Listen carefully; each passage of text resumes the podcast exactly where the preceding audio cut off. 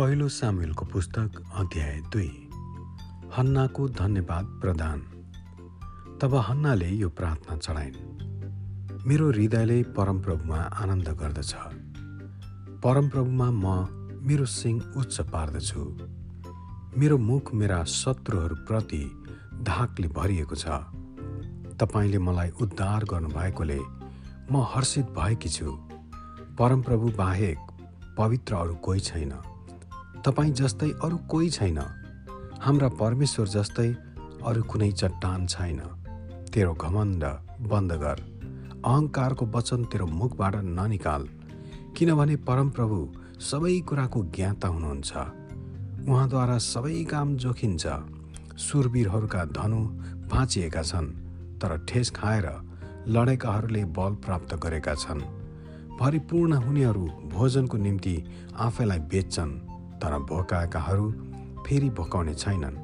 बाजे स्त्रीले सातजना बच्चाहरू जन्माएकी छे तर धेरै छोरैहरूको आमा शिथिल हुन्छ। परमप्रभुले मृत्यु ल्याउनुहुन्छ र जीवन दिनुहुन्छ। उहाँ नै चिहानमा पठाउनुहुन्छ र मलाइकालाई जीवित पार्नुहुन्छ। परमप्रभुले दरिद्रता र धन सम्पत्ति पठाउनुहुन्छ। उहाँले नम्र तुल्याउनुहुन्छ र उहाँले उच्च पार्नुहुन्छ। राजकुमारहरूसित बसाल्नलाई तथा सम्मानको आसनको उत्तराधिकार बनाउनलाई उहाँले दुर्बललाई धुलोबाट र दरिद्रलाई धुरानबाट उठाउनुहुन्छ। किनभने पृथ्वीका जगहरू परमप्रभुकै हुन्। उहाँले संसारलाई ती माथि बसाल्नु भएको छ। उहाँले आफ्ना पवित्र जनहरूका खुट्टालाई रक्षा गर्नुहुनेछ तर दुष्टहरू अन्धकारमा मौन गराइएका हुनेछन्। केवल बलले मात्र मानिस प्रबल हुन सक्दैन। परमप्रभुको विरोध गर्नेहरू चकनाचुर पारिनेछन् उहाँ स्वर्गबाट तिनीहरूको विरुद्धमा गर्जनुहुनेछ पृथ्वीको पल्लो छेउसम्म परमप्रभुले न्याय गर्नुहुनेछ। उहाँले आफ्ना राजालाई शक्ति दिनुहुनेछ र आफ्नो अभिषेक्त जनको सिंह उच्च पार्नुहुनेछ। तब एल्काना रामामा आफ्नो घरमा फर्के तर त्यो बालक चाहिँ पुजारी एलीको अधीनमा परमप्रभुको सेवा गर्नलाई त्यही नै बस्यो। एलीका दुष्ट छोराहरू। एलीका छोराहरू दुष्ट थिए। परमप्रभुको निम्ति तिनीहरूमा श्रद्धा थिएन। मानिसहरूप्रति पुजारीहरूले गर्नुपर्ने व्यवहारको रीति यस्तो थियो। जब कुनै मानिसले बलिदान चढाउँथ्यो तब मासु उम्लिरहँदा पुजारीको सेवक त्रिशुल लिएर आउँथ्यो र त्रिशुलले कराई र तापके वा तसला वा खुड्कुलोमा भएको मासु घोच्दथ्यो र त्यसरी आएको जातिलाई पुजारीले लाने गर्थे। सिलोमा बलिदान चढाउनलाई आएका सबै इजरायलीहरूसित तिनीहरूले त्यस्तै व्यवहार गर्थे। बोसो जलाउन अघि नै पुजारीको सेवक आएर बलिदान चढाउने मानिसलाई भन्थ्यो पुजारीको लागि पकाउनलाई मलाई मासु देऊ। अघिबाटै उमालेको मासु तिनी लिँदैनन् केवल काँचो मासु मात्र लिन्छन्। पहिले बोसो जलाउन देऊ र तिमीले मागेको जति लैजाऊ भने यदि कुनै मानिसले जवाब दियो भने त्यस सेवकले यसो भन्थ्यो होइन त्यो मलाई अहिले नै देऊ नत्र त म जबरजस्ती खोसेर लैजान्छु। ती जवान मानिसको पाप परमप्रभुको दृष्टिमा साह्रै बढ्ता भयो किनभने तिनीहरूले परमप्रभुको बलिदानलाई अवहेलना गरे। तर बालक सामुएल मलमलको एपोत लगाएर परमप्रभुको सेवामा निरन्तर लागिरहे। हरेक साल तिनकी आमाले तिनलाई एउटा सानो कुर्ता बनाइदिन्थिन् र तिनका पतिसँग वार्षिक बलिदान चढाउन जाँदा समेलको निम्ति त्यो लगिदिन्थिन्।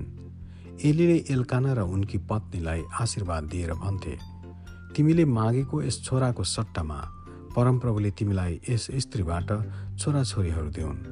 त्यसपछि तिनीहरू आफ्नो घर फर्कन्थे। परमप्रभुले हन्नामाथि अनुग्रह गर्नुभयो। र तिनी गर्भवती भएर तीन छोरा र दुई छोरी जन्माइन्। उता बालक समेल परमप्रभुको सामुन्ने बढ्न लाग्यो। एली अब साह्रै वृद्ध भएका थिए र उनका छोराहरूले सारा इजरायलमाथि कस्तो व्यवहार गर्छन् भने उनले सुने। भेट हुने पालको ढोकामा सेवा गर्ने स्त्रीहरूसँग सहवास गरेका कुरा पनि उनले सुने। यसकारण उनले तिनीहरूलाई भने तिमीहरू किन यस्तो काम गर्दछौ?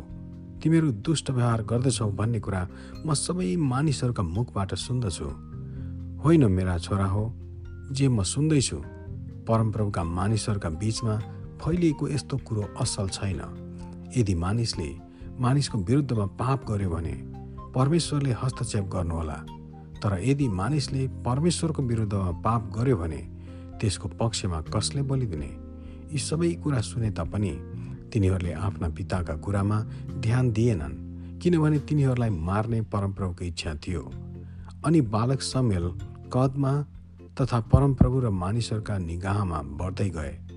एलीको घराना विरुद्ध अगमबाडी अब परमप्रभुका एकजना दास एली कहाँ आएर उनलाई भने परमप्रभु यसो भन्नुहुन्छ के मैले आफूलाई तेरा पिताको घराना कहाँ मिश्रमा तिमीहरू र फारोको दासत्वमा हुँदा प्रकट गरेको थिइनँ। मैले इजरायलका सबै कुलहरूमध्ये तेरा पितालाई मेरो पुजारी हुन्। हुन मेरो वेदीका खुड्केलामा उक्लन धुप बाल्न र मेरो सामु एपोद लगाउन छाने। इजरायलका सबै अन्नबली तेरा पिताका घरानाको निम्ति अलग पनि गरिदिए। किन तिमीहरू मैले आदेश दिएका मेरो वासस्थानको निम्ति बलिदानहरू र भेटीहरूलाई अनादर गर्छौ? तैँले मेरो प्रजा इजरायलले चढाएका सबै बलिदानको असल भागलाई आफ्नो निम्ति राखी किन त तेरा छोराहरूलाई मलाई भन्दा बढी सम्मान गर्छस्? त्यसकारण परमप्रभु इजरायलका परमेश्वर भन्नुहुन्छ तेरो परिवार र तेरा पिताको परिवारले सधैँभरि मेरो सामुन्ने सेवा गर्नेछन् भनी मैले प्रतिज्ञा गरेको थिएँ। तर अब परमेश्वर यसो भन्नुहुन्छ अब यस्तो हुने छैन। मलाई आदर गर्नेलाई म आदर गर्नेछु र मलाई तिरस्कार गर्नेहरू तुच्छ ठानिनेछन्। समय आउँदैछ। जब तेरो र तेरो परिवारको बल यसरी घटाइदिनेछु कि तेरा वंशमा कोही वृद्ध मानिस हुने छैन। मेरो वासस्थानमा तैँले सङ्कट देख्नेछस्। इजरायलको निम्ति भलो गरिनेछ तापनि तेरो परिवारमा अब उपरान्त कहिल्यै कुनै वृद्ध मानिस हुने छैन। मेरो वेदीको सेवाबाट मैले कसैलाई छोड्छु भने तेरा आँखामा आँसु र हृदयमा शोक पार्नलाई मात्र बचाएर राख्नेछु र तेरा सबै सन्तानहरू जीवनको चरम अवस्थामा मर्नेछन्। तेरा दुई छोराहरूका दुर्दशा तेरो निम्ति एउटा चिन्ह हुनेछ। होप्नी र पिन्हास दुवै एकै दिनमा मर्नेछन्। म मेरो निम्ति एउटा विश्वासयोग्य पुजारी नियुक्त गर्नेछु जसले मेरो मनमा र हृदयमा भएको कुरा अनुसार गर्नेछ। म त्यसको परिवारलाई स्थिर गराउनेछु। र त्यसले मेरो अभिषिक्त मानिसको मासु सामु पुस्तौँसम्म सेवा गर्नेछ। तेरो परिवारमा जीवित रहने हरेकले एक टुक्रा चाँदी र एक गाँस रोटी पाउनलाई तिनको सामु गएर नम्रतापूर्वक झुक्नेछ र बिन्ती गर्नेछ। मलाई कुनै पुजारी पदमा नियुक्त गर्नुहोस् र मसित खानलाई भोजन होस्। आमेन।